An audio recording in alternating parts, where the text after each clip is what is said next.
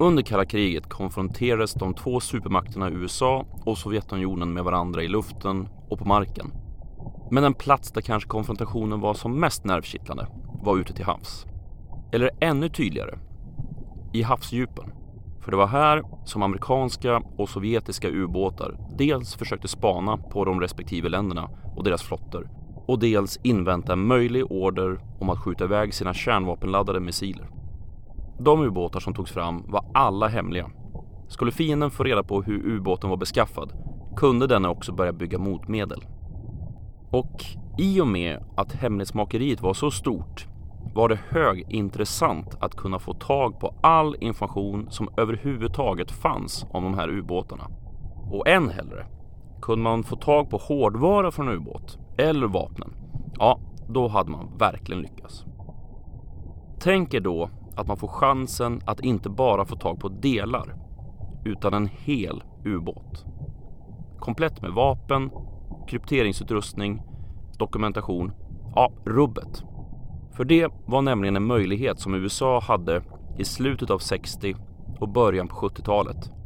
För när den sovjetiska ubåten K129 sjönk 1968 började lite mer kreativa element inom underrättelsetjänsten fundera på om det inte var möjligt att faktiskt bärga ubåten trots att den låg på dryga 5 kilometers djup. Idag är det dags att vi drar på oss agentkostymen och laddar våra cyanidspetsade pennor. Jag heter C.J. Åkerberg och ni ska vara topphemligt välkomna till ännu ett avsnitt om en särskild typ av verkliga konspirationer här i Kvalificerat Hemligt. Denna gång om ubåten K129, jättefartyget Glomar Explorer, lyftningsförsöket och kopplingen till den excentriske miljardären Howard Hughes. You have to realize that this missile was up in the launch position. It was fueled. It was in countdown. I mean, we were literally minutes, maybe seconds away from this bird taken to the air. They would have started World War III. So we had to get somebody who was a real plunger financially. Howard Hughes was a logical contender, and he agreed to help us out. The first missile, after a startling off-angle emergence, corrects itself and soars downrange 1,100 miles to its target with remarkable accuracy. As the robot miner hangs 160 feet under the ship, just below her circular nodule processing section, pipe attachment begins. It is by way of these 60 foot long, 20 ton pipe sections that miner and processor are lowered to the seabed and slurry returned to the surface. USAs och Sovjetunionens ubåtar hade världshaven som sin spelplan under kalla kriget. Båda länderna patrullerade med missilförsedda ubåtar i händelse att ordern om att påbörja ett tredje världskrig skulle komma. Till skillnad från till exempel bombplan var ubåtarna mycket svåra att lokalisera och slut, varpå de både var en bra strategisk fördel och ett rejält hot. En av alla dessa ubåtar som patrullerade haven var den sovjetiska ubåten K129 av Golf 2-klass. I jämförelse med dagens ubåtar var den förhållandevis simpel, inte särskilt snabb och med plats för bara tre missiler. Och om de här missilerna behövde avfyras skulle ubåten behöva inta ytläge. Golf 2-klassen var en typ av ubåt som var ungefär 100 meter lång, vägde lite drygt 2700 ton och som drevs av dieselmotorer och batterier. Och till skillnad från dagens missilbestyckade ubåtar där missilerna är placerade i mittsektionen av skrovet hade man designat den här typen av farkost med missiltuber i tornet till ubåten. K129 med sitt manskap på 83 personer och hemmahamn på Kamchatka-halvön hade spenderat 1967 med att patrullera Stilla havet och nu i början av 1968 gjorde man sig så redo för att ge sig ut på en ny patrull. Tanken var att man skulle skeppa ut i slutet av februari och sen åter vara i hamn i början av maj. När ubåten så lämnade hamn 24 februari gjorde man ett sedvanligt testdyk för att kontrollera ubåtens system. Man meddelade ubåtskommandot att man påbörjat sin patrullering varpå man dök och sen gick in i radiotystnad. Efter det är det helt tyst från K129. Och vid den här tiden är man inte säker på vad som hände under ytan med ubåten. Däremot vet man vad som hände ovan ytan.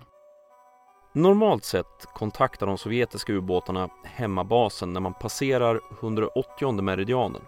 Alltså den vertikala linje som så att säga ligger på andra sidan om nollmeridianen.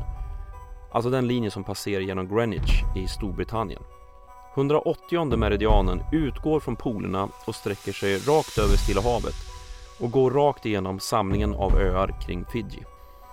Men K129 hörde aldrig av sig när man borde ha passerat den här gränsen och i mitten av mars bryter så ubåtskommandot radiotystnaden och anropar ubåten direkt. Tredje veckan in i mars så sätter man statusen saknad på K129 varpå den sovjetiska försvarsmakten samlar fartyg, ubåtar samt flyg för att påbörja avsökandet av norra Stilla havet efter den saknade ubåten med utgångspunkt från Vladivostok samt Kamchatka. Den här aktiviteten går naturligtvis inte amerikanska underrättelsetjänsterna eller försvaret förbi. Efter en analys av vilka ytstridskrafter, ubåtar och flygplan som deltog kunde man dra slutsatsen att det med största sannolikhet var en räddningsaktion. Och på det sättet man sökte var det troligen en ubåt det handlade om. Vid den här tiden hade USA under stort hemlighetsmakeri lagt ut sonarutrustning på havsbotten, både i Atlanten och i Stilla havet. Systemet, ja, det gick under namnet Sound Surveillance System, förkortat SOSUS. Det här systemet kunde höra extremt långt tack vare att ljud färdas långa sträckor under vattnet. Men systemet hade för dålig precision för att kunna vara till nytta i jakten på vad som hände med den nu troligtvis förlista ubåten. Istället är det flygvapnets Air Force Technical Applications Center, som med än mer känslig utrustning lyckas fånga upp ljudet av vad som hände med den förlista ubåten. Varför är en enhet inom flygvapnet utrustad med utrustning som kan höra vad som händer med en ubåt kan man ju fråga sig. Jo, AFTAC, som förkortas till, är en enhet med ansvar för övervakning av kärnvapenexplosioner runt om i världen. Deras utrustning vid den här tiden är tio gånger känsligare än marinens hydrofonsystem på havsbotten. Så, från flera olika platser inom flygvapnets övervakningssystem har man uppfattat någonting som låter som en explosion den 8 mars. Och via triangulering kan man med en förhållandevis god säkerhet säkerställa en möjlig förlisningsplats. Den sovjetiska marinen på sin sida konstaterar snart att ubåten med hela sin besättning är förlorad och sökandet avbryts och ordningen i Stilla havet återgår snart till det normala. Men den amerikanska militären kommer inte släppa tanken på att man har en trolig förlisningsplats. I augusti 1968 når den amerikanska ubåten USSS Halibut den plats där man tror att K129 ligger 250 sjömil nordväst om Hawaii. Men exakt var ubåten ligger är oklart. Man påbörjar en avsökning av området. Till slut, efter lite drygt tre veckor, hittar man så K129 liggandes på sida, uppbruten i två delar. Den ena delen består av fören plus tornet. Den andra delen är avbruten en bit bakom tornet. När man väl har hittat ubåten så tar man lite drygt 20 000 bilder av ubåten och förlisningsplatsen med hjälp av den fjärrstyrda undervattensfarkosten Fish. Den enda farkosten av sitt slag som klarar det här djupet vid den här tiden. Den här tanken på att bärga ubåten, ja, den väcks under slutet av 68 under samtal mellan representanter från CIA och försvarsdepartementet. De här samtalen leder i sin tur till att USAs försvarsminister David Packard skickar ett formellt brev till chefen för CIA, Richard Helms, den 1 april 1969. Och i brevet ombeds Helms och hans organisation att göra en studie för att undersöka möjligheten att bärga hela eller delar av K129. Under våren och sommaren 1969 jobbar så CIAs tekniska avdelningar med frågan och kan så i mitten av juli leverera en plan på hur de viktigaste delarna av ubåten skulle kunna bärgas. 17 juli återrapporterar så CIA-chefen Helms till försvarsministern att man nu har en plan och tänkt organisation för uppgiften. Redan 8 augusti har man så ett beslutsmöte med försvarsminister Packard, CIA-chefen Helms och presidentens vetenskapliga rådgivare Dr. Lee Dubridge där man beslutar om organisationen för uppgiften, projektledning, projektmål och övriga administrativa frågor. Mötet beslutar också att det är dags att informera president Nixon om planerna. Projektet, som får namnet Azorian, beläggs med hårdaste möjliga säkerhetsklassning då det är av yttersta vikt att inget av det man planerar läcker ut till sovjetiska öron eller ögon. Och det här problemet som arbetsgruppen ställs för, det är ingen liten utmaning. Hur ska man kunna lyfta drygt 2500 ton stål från havets botten? En botten som befinner sig närmare 5000 meter under havsytan. Ganska snart har man tre arbetshypoteser. 1. En gigantisk griplo skickas ner till ubåten från ett moderfartyg och griper runt hela skrovet i en omgång. 2. Ett stort antal flytballonger släpps ner till förlisningsplatsen sänkta av ballast. Väl nere fäst de vid skrovet. Ballasten släpps ut och ubåten förs på så sätt upp till ytan. 3. Fylla ubåten med någon form av ballong eller liknande. Fylla de här ballongerna med gas och sen låta ubåten flyta upp till ytan. Även om andra lösningar diskuteras så bestämmer sig gruppen snart för att förorda lösning 1, det vill säga den stora gripklon. Och man får formellt godkännande att fortsätta planera utifrån den lösningen 11 september 1970. Men det räcker inte med att ha det tekniska på plats. Hur ska man kunna genomföra lyftet utan att Sovjetunionen blir varse om vad som sker? En rimlig täckmantel var att det fartyg som ska genomföra operationen och bära med sig den enorma gripklon ska ägna sig åt geotekniska utgrävningar för att kunna borra efter åtråvärda mineraler. Och det är här som den excentriska miljardären Howard Hughes kommer in i bilden. För USAs regering, ja, de kan inte själva söka efter den här typen av fyndigheter. Man behöver ett företag som kan fronta den här delen av täckmanteln. CIA får kontakt med Hughes via en gammal CIA-operatör som är vän med Hughes.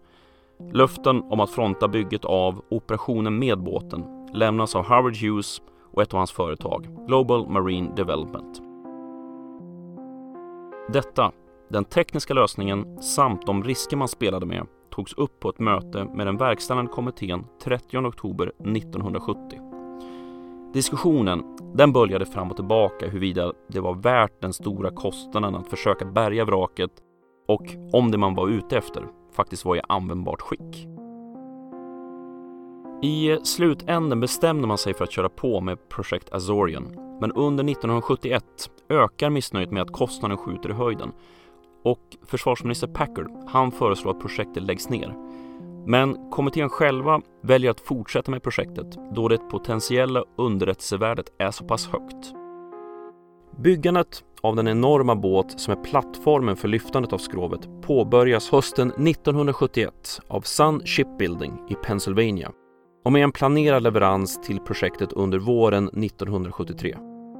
Den här båten, Glomar Explorer, är 189 meter lång, 35 meter bred och med en vikt på lite drygt 51 300 ton.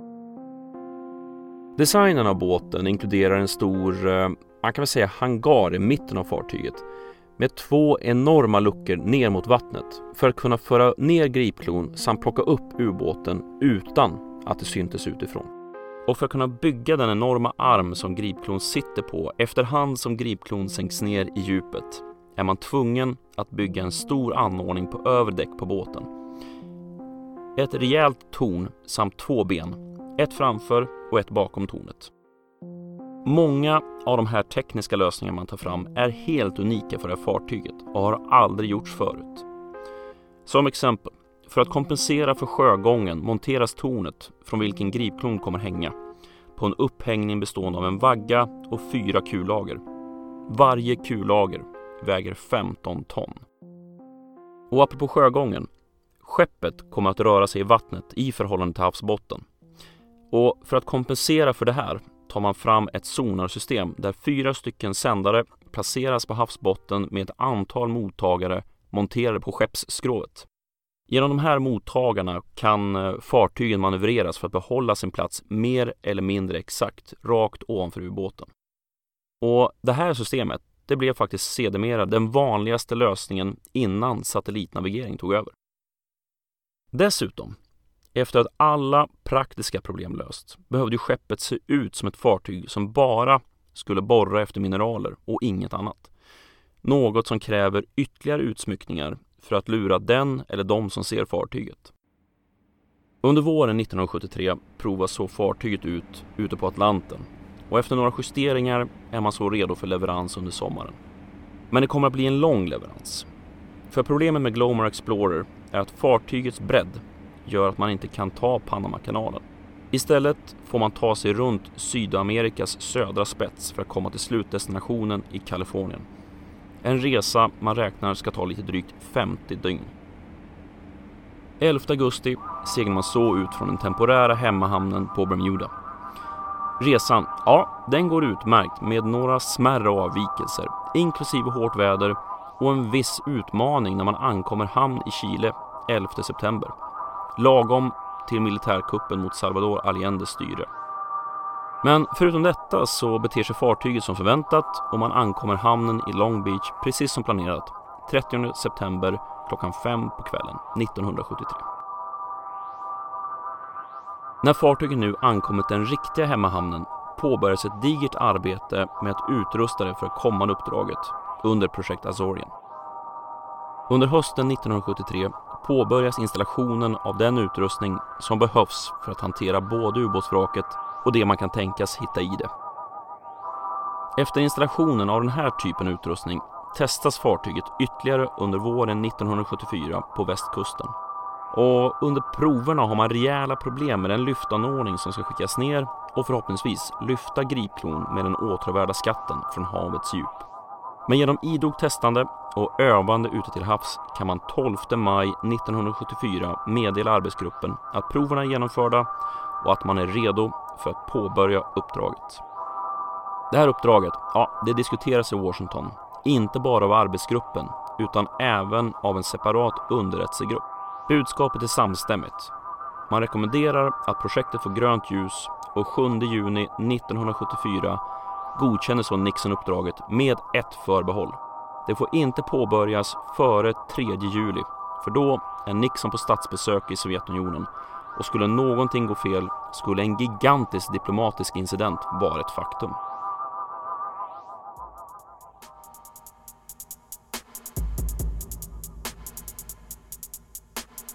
–21 juni påbörjar Glomar Explorer sin resa på Stilla havet mot haveriplatsen för K129.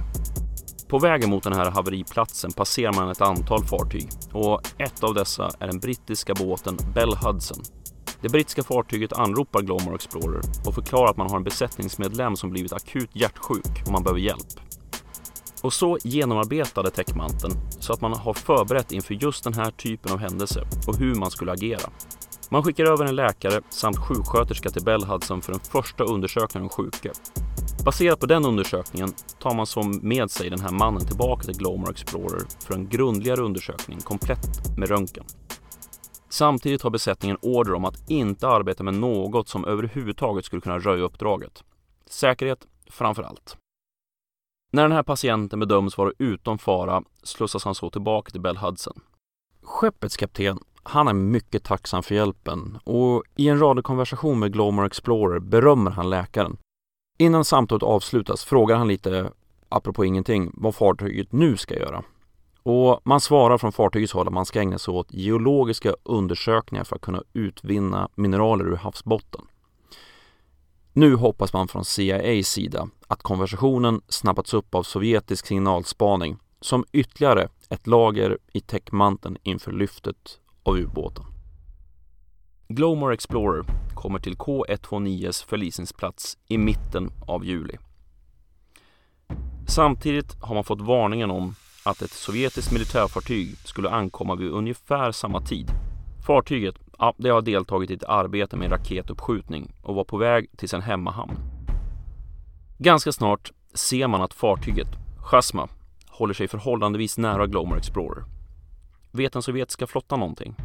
har man fått indikationer på CIAs operation. Spänningen stiger på fartyget när en helikopter stiger upp från Chasma och sätter kurs rakt mot Glomar Explorer. Kaptenen på fartyget, ja, han har redan preparerat helikopterplattan på Glomar Explorer med lådor och containrar för att förhindra en bordning. Men nu skickar han även iväg besättningsmedlemmar till akten för att på så sätt förhindra att den sovjetiska helikoptern försöker fira ner soldater. Dessutom har berörd besättning fått order om att förstöra känslig utrustning i händelse av en bordning. Personal i kontrollrummet har instruerats i hur de ska barrikadera sig för att köpa tid att förstöra så mycket som möjligt av hemligt materiel och kryptoutrustning. Men helikoptern tycks inte göra några sådana försök. Istället gör den flera närgångna förbiflygningar från flera olika håll samtidigt som helikopterbesättningen tar mängder med foton av fartyget. Faran tycks i alla fall för tillfället vara avvärjd. För efter ett tag viker helikoptern av och sätter kurs tillbaka mot Chasma. Det sovjetiska fartyget lämnar så förlisningsplatsen den 18 juli. 20 juli aktiverar Glomar Explorer så sin utrustning och organisation för att inleda lyftet av K129. De gigantiska dörrarna i botten av fartyget har stått öppna sedan dagen innan och det är nu man kan påbörja arbetet med att skicka ner gripklon mot målet i det mörka, kalla havet. Två dagar senare dyker ett nytt sovjetiskt fartyg upp på horisonten, SB-10. Och även denna gång är man extremt närgången gentemot Glomar Explorer i omgångar samtidigt som mängder med foton tas av fartyget. Samtidigt som det här sker jobbar besättningen med att säkerställa att Gripklons färd mot havsbotten ska gå så smidigt som möjligt. Men ett antal tekniska problem med nedmatningen samt perifer utrustning sinkar arbetet. Men så, 26 juli meddelar man att sonarutrustningen med Gripklon detekterar havsbotten. Nu påbörjas en manövrering för att leta upp exakt var ubåten ligger. Och slutligen, strax innan åtta tiden på kvällen den 28 juli kan man notera i loggboken att man nu befinner sig rakt ovanför K129s vrak. Med tanke på storleken på utrustningen och det man ska lyfta sker allting nu mycket långsamt. Gripklon förs en bit bort från vraket för att prepareras inför lyftandet av ubåten. På morgonen den 31 juli har man så positionerat sig över vraket, sänkt ner gripklon och påbörjar arbetet med att omfamna ubåten med gripklons armar. Och på tidig morgon den 1 augusti är K129 helt fri från botten och påbörjar så sin färd upp mot ytan. Nästan sex och ett halvt år efter sin förlisning. Nervkittlande långsamt rör sig gripklon och ubåten nu upp mot ytan medan besättningen jobbar hårt för att få alla system att samarbeta. På morgonen den 4 augusti har man ett problem med lyftmekanismen vilket gör att man pausar arbetet för att åtgärda felet. 10 minuter senare, 06.53, hörs plötsligt ett mullrande och hela skeppet rister till. Man kontrollerar statusen för gripanordningen och ser att ena kortsidan plötsligt kraftigt börjar vinkla neråt. Och vad värre är, man ser hur ubåten vridit sig i greppet. När man fått koll på läget inser man hur allvarligt det är. En stor del av ubåten har knäckts och glidit ur klons grepp. Kvar är den främsta delen av fören på ubåten. På Glomar Explorer diskuterar man nu möjliga alternativ då det mest återvärda med ubåten befann sig i den del som nu långsamt singlar ner mot botten 5000 meter längre ner. Till slut sjunker insikten in att det inte finns någonting man kan göra utan man får bärga det som bärgas kan. Trots katastrofen och besvikelsen ska uppdraget slutföras. När gripklon är på drygt 200 meters djup låter man den vänta där för att invänta mörkret. Detta för att säkerställa att inga sabotageförsök ska kunna utföras. För även om den sovjetiska båten SB-10 håller sig på behörigt avstånd är man fortfarande osäker på dess uppdrag. Mörkret faller och gripklon förs upp sista biten och den delen av ubåtsvraket som är kvar i Gripklons grepp förs upp i innanmätet av Glomar Explorer. Väl uppe så ser man förklaringen till varför man tappar greppet om vraket. För flera av gripklorna har gått av vilket skulle förklara hur K129 kunde glida ur CIAs bildliga grepp. Väl säkrad på så att säga torra land påbörjas så en analys av vraket och första åtgärden man gör är att undersöka om det finns risk för strålning från utrustningen i ubåten. De mätningar man gör indikerar att torpeder med kärnstridsspetsar hade läckt. Men mängden strålning var tillräckligt låg och spred sig inte i luften för att kunna fortsätta arbetet utan några större skyddsåtgärder. 9 augusti är så Glomar Explorer klar med sitt uppdrag på förlisningsplatsen och man skickar ett meddelande till högkvarteret. Aktivitet 36A klar. Kodordet för att bärgningen var klar. Och historien är inte utan ironi då det här händer exakt samma dag i Washington. Richard Milhouse Nixon, having announced, uh, as the whole world knows now, last night that he was resigning, will leave the White House in a very short time now after a farewell meeting with his cabinet and the White House staff. Uh, they have gathered now in the East Room at the White House. Men det omedelbara arbetet var inte riktigt slut än.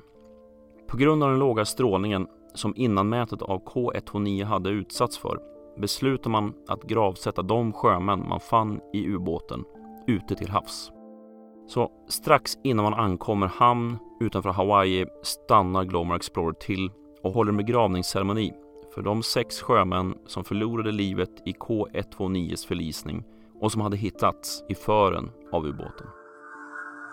As long as men and nations are suspicious of each other, instruments of war will be constructed and brave men will die as these men have died in the service of their country. Today we honor these six men, their shipmates, and all men who give their lives in patriotic service. Hela ceremonin filmades på video och kom att lämnas över till Ryssland efter Sovjetunionens fall i början av 90-talet. Det finns de som hävdar att CIA ägnar sig åt ännu en form av krigslist när man låter detaljer om det misslyckade lyftet sippra ut i media och till andra källor.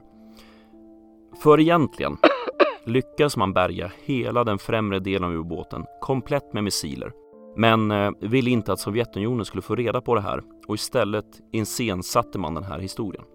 CIA själva, ja, de vägrar att kommentera eller förneka vad som skedde i en manöver som med tiden kom att kallas The Glomar Response. Och för att förklara det här svaret så behöver vi röra oss framåt drygt ett halvår i tiden, till februari 1975. För det är vid den här tiden som en reporter vid Los Angeles Times förbereder en artikel om att Howard Hughes bolag hjälpt CIA att bärga en sovjetisk ubåt ute till havs. Skälet att det överhuvudtaget kom ut var på grund av ett inbrott på Hughes kontor under sommaren 1974 där pengar och en del papper ska ha försvunnit. Och ett av de här papperna ska ha innehållit information om operationen. En anmälan upprättas med polisen och FBI och när väl informationen nått så pass långt ut så, ja, ni förstår ju själva. CIA-chefen William Kobe ber Los Angeles Times att hålla inne med historien för att undvika en internationell incident. Det här är någonting han har försökt att göra under flera månader sedan inbrottet blev känt. Men just den här gången går det inte. Och 7 februari publiceras artikeln US reported after Russ sub. En kortare artikel som är fylld med hörsägen och en del rena felaktigheter. Bland annat hävdar man att operationen skedde ute i Atlanten och att den kallades Jennifer bland annat. Los Angeles Times, ja, de går CIA till mötes till viss del och nyheten sätts rätt långt bak i tidningen och får ingen jätteuppmärksamhet. Men så i mars samma år får nyheten ny fart. Radio tar upp den, New York Times tar upp den och media, de gräver djupare och djupare. En av de som gräver är journalisten Harriet Ann Filippi och hon använder en variant av offentlighetsprincipen, Freedom of Information Act, för att få svar från CIA på två frågor. 1. Har man lyft upp ubåten? Och 2. Har man försökt att censurera den här nyheten? CIAs jurister tar då fram ett svar som är den största av icke-svar. Samtidigt som man undviker att överhuvudtaget svara på frågan om det här är en incident man känner till eller inte. Svaret lyder mer eller mindre. Vi kan varken bekräfta eller förneka existensen av den efterfrågade informationen. Men hypotetiskt, om sån information existerar, skulle den vara hemlig och ej kunna delges. Och där har ni The Glomar Response. En metod som används än idag inom framförallt militära myndigheter och underrättelsetjänster. Uh, and at this point, I'm not in a position to either confirm or deny that the individual named in these reports Uh, is the individual that we're searching for. Förutom konspirationsteorin att CIA egentligen lyckades bärga hela ubåten så finns det framförallt en förhärskande teori till där ute. Den teorin kommer från boken Red Star Rogue av författarna Kenneth Sewell och Clint Richmond. I boken påstår de att ubåten var del i ett konservativt uppror inom den sovjetiska staten. I eh, det här upproret påstår författarna att man utrustat ubåten för att likna en kinesisk variant, komplett med kinesiska missiler. Teorin är att genom att anfalla Pearl Harbor skulle USA och Kina dras in i ett krig med varandra och därmed skulle Kina kunna hållas i schack ur ett sovjetiskt perspektiv. Och orsaken att ubåten sjönk är att man hade utrustat ubåten med en skyddsmekanism som skulle ha sprängt missilerna vid ett försök att avfyra dem utan korrekt autorisering. Därför ska tornet där missilerna var förvarade varit skadad av en explosion. Bevisen för den här teorin är inte särskilt tunga. Författarna påstår sig ha pratat med ryska och amerikanska källor men få av de här källorna omnämns med namn. Övriga antaganden är lite genomskinliga, minst sagt. Som till exempel att man skulle ha utrustat ubåten med så kallade kinesiska missiler. Sovjetunionen hjälpte Kina med deras kärnvapen och missilprogram under en viss period. Komplett med hårdvara. Då är det kanske inte så konstigt att missilerna också skulle likna varandra. Krasst uttryckt så finns det väldigt lite, om något, som stödjer den här teorin. Särskilt då CIA släppte en intern rapport 2010 om projekt Azorian. Rapporten den är från 1985 och fortfarande med en del information censurerad. Men eh, den ger en rätt god bild av skeendet och varför ubåten sjönk. Och här kan man ge författarna ett uns rätt. För orsaken till förlisningen har på senare år kunnat klarläggas med ett rätt stort mått av säkerhet. Och det har med en typ av explosion att göra. Det troliga skälet till att K129 förliste var på grund av att två av ubåtens tre missiler började brinna, fyllde ubåten med giftig rök och brände igenom ubåtens tryckskrov. Det förklarar både det snabba skeendet, att en del sjömän avled i sina sängar samt att ubåtens torn uppenbarligen var kraftigt skadat när det väl hittades. Så vad blir slutsatsen av allt detta? Var det en underrättelsekupp av största slaget? Eller ett abnormt, stort och dyrt fiasko? Ja, det beror ju på vilka du frågar. De som var direkt involverade i projektet är väldigt stolta och lyfter de ingenjörsmässiga utmaningarna man besegrade. Vissa inom Försvarsmakten pekar på det faktum att Sovjetunionen aldrig kunde vara helt säkra på vad CIA fått med sig upp ur havsdjupet. En del politiker å andra sidan pekar på den riskabla utmaningen gentemot Sovjet som avslöjandet av bärgningen innebar. När man dessutom tappade den viktigaste biten av ubåten så blev det etter värre. Men eh, CIA då? Vad är deras bedömning? Jo, förstår ni. De kan varken bekräfta deny the existence of the information requested. But hypothetically, if such data were to exist, the subject matter would be classified and could not be disclosed. Du har lyssnat på Kvalificerat Hemligt, en poddradio om konspirationsteorier och vetenskap. Länkar till musiken, videoklipp och annat som nämns i programmet återfinns på programmets hemsida, khpodden.se. Jag heter C. Åkerberg och tack för att du har lyssnat.